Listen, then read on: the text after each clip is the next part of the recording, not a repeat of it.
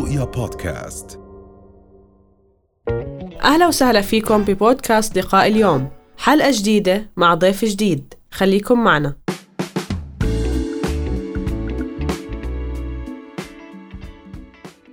من نصف قرن مضى يعني من 1960 فما مضى.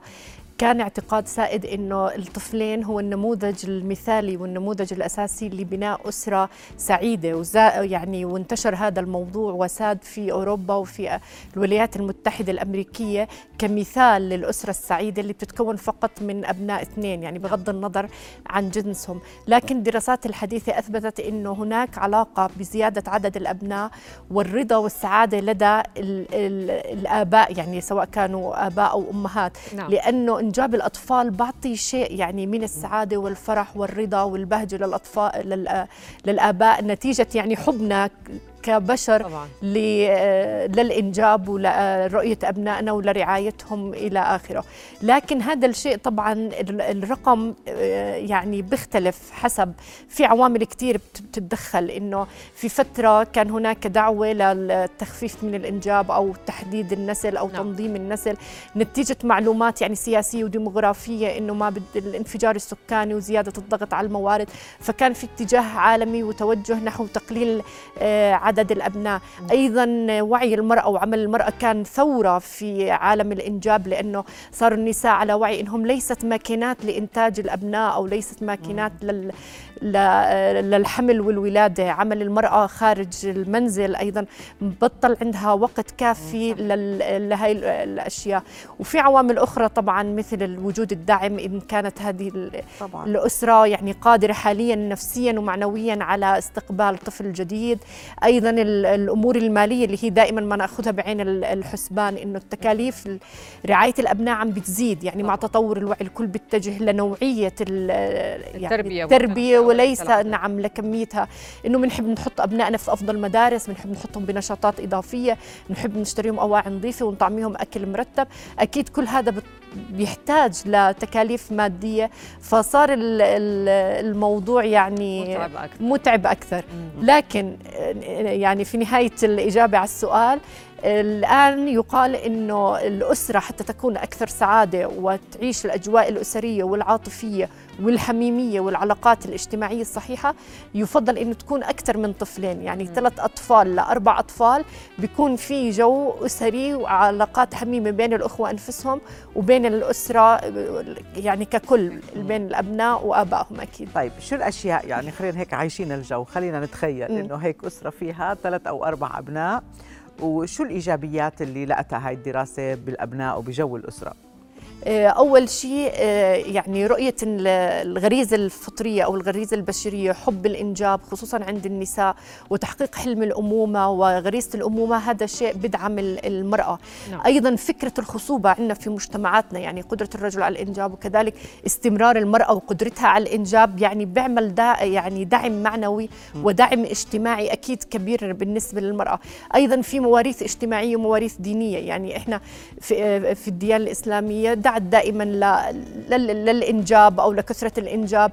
فهذا يعني بحسس الآباء بشيء من آه، الثقة. أيضا طبيعة العلاقاتنا إحنا العربية في مجتمعاتنا العربية دائما كانت مرتبطة بالعزوة والدعم وإنه الأولاد هم السند وهم الذخر للمستقبل نعم. وبالفعل الدراسات أثبتت إنه الآباء في لما يكبروا في السن ويكونوا محاطين بعدد أكبر من الأبناء بيعيشوا دعم اجتماعي أكبر من الذين لم يعني أو أكثر من الذين لم ينجبوا نعم. آه كثيرا ففي عوامل كثير مختلفة. أيضا الاستقرار والحب العاطفي بين الأزواج بدفعهم أيضا لإنجاب آه، مزيد من الأطفال. نعم. لكن طبعا أكيد يفضل الإنجاب في وقت متأخر أفضل من وقت مبكر لأنه بحسوا الأهل برضا أكبر. مم. يعني اللي بينجبوا في الثلاثين بيكون عندهم رضا وبيكون عندهم استعداد أكثر مثلا في بداية العشرين أو في زواج مبكر. وبعطيكم معلومه يمكن أوعى أكثر وعيا. نعم. يعني بيكونوا أوعى لأنه يعني الانجاب مسؤولية. صحيح. بيحتاج لضغط ووقت وجهد وستريس منا ومسؤولية كبيرة. فلما يكون الواحد يعني ناضج أكثر وعنده قدرة أكثر ومستقر عاطفيا واجتماعيا آه، أكبر أكيد بيكون عنده فرصة أكثر لأنه يكون سعيد بأبنائه ويربيهم تربية سعيدة. صحيح. وبدي أعطيكم معلومة إنه سن الزواج والإنجاب حاليا في أعلى مستوى له أو أعلى عمر له من تاريخ الوجود البشرية. يعني ليش صار هلا؟ يعني هلا صارت صار بال30 وفوق ممكن ينجب وفي آخر الأربعينات ممكن المرأة تنجب. فهذا التأخر يعني ما ما شهدته البشرية من قبل. نعم له علاقة. حياة بالضبط ارتفاع آه. نسبة الوعي لها علاقة كمان إنه الجيل الجديد بتحمل مسؤولية بهذا العمر مش فقط بعمر العشرينات. يعني بدك تكون فوق ال 30 ليقدر يتحمل المسؤولية. سؤالي لك دكتورة فيما يتعلق ب إحنا هون بنضوي على دراسة إنه أكثر من ولدين بتعطي استقرار وسعادة أكثر.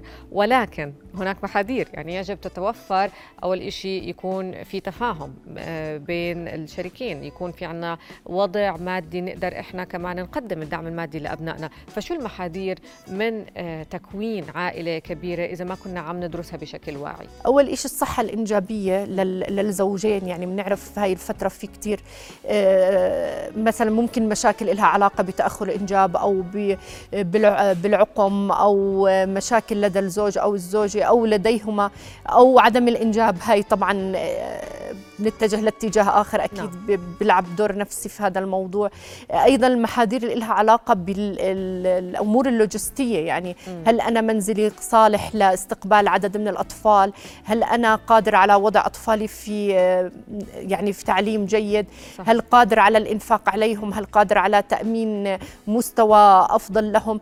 أيضا عمل المرأة إنه هل المرأة مثلا هي عاملة أو رح تتجه للعمل فيما بعد؟ هل تستطيع يعني الملائمه أو يعني السيطره على الأمور خصوصا إنه عبء عبء الإنجاب بقى على المرأة أكثر والمرأة العاملة بتتأثر. في هذا الموضوع أكثر من الرجل يعني إنجاب مزيد من الأطفال لا يؤثر على عمل الرجل نعم. لكن يؤثر على عمل المرأة. أحيانا تضطر تنقطع عن العمل أو أحيانا تضطر تأخذ إجازات. طبعا. وأيضا قوانين الدول هل هي داعمة وبتشجع المرأة العاملة على الإنجاب؟ هل بتعطيها حقوقها من إجازات رواتب آه، إلى آخره. أمومة. إجازة أمومة أيضا رعاية الأمومة والطفولة الرعاية الصحية وليس الصحية فقط الدعم النفسي. هل هناك إرشادات للأم الجديدة للي بتنجب للأول لأول مرة؟ هل هناك دعم اجتماعي دعم نفسي؟ كل هاي أكيد طبعا بتلعب عوامل وبتأثر. واللي بتعرفي الملفت للنظر إنه هاي الدراسة يعني دراسات غربية. يعني في كثير مثلا إجازة الأمومة في دول بيعطوا الست عندك تسع أشهر بتروحي بتغيبي وبترجعي بضل مكانك محفوظ مثلا. فأنا عم بفكر إنه عشان نقارن أشياء بتشبه نعم. بعض يعني أسرة بوضع مادي معين بيت كبير هاي الأسرة نفسها بإمكانياتها المادية والاجتماعية. إذا عندها أربعة بتكون يمكن في سعادة أكثر من مثلا لو عندها بس اثنين. بس يمكن نرجع للأشياء اللي حكيتيها الصحة وطبيعة الحياة والأمور المالية.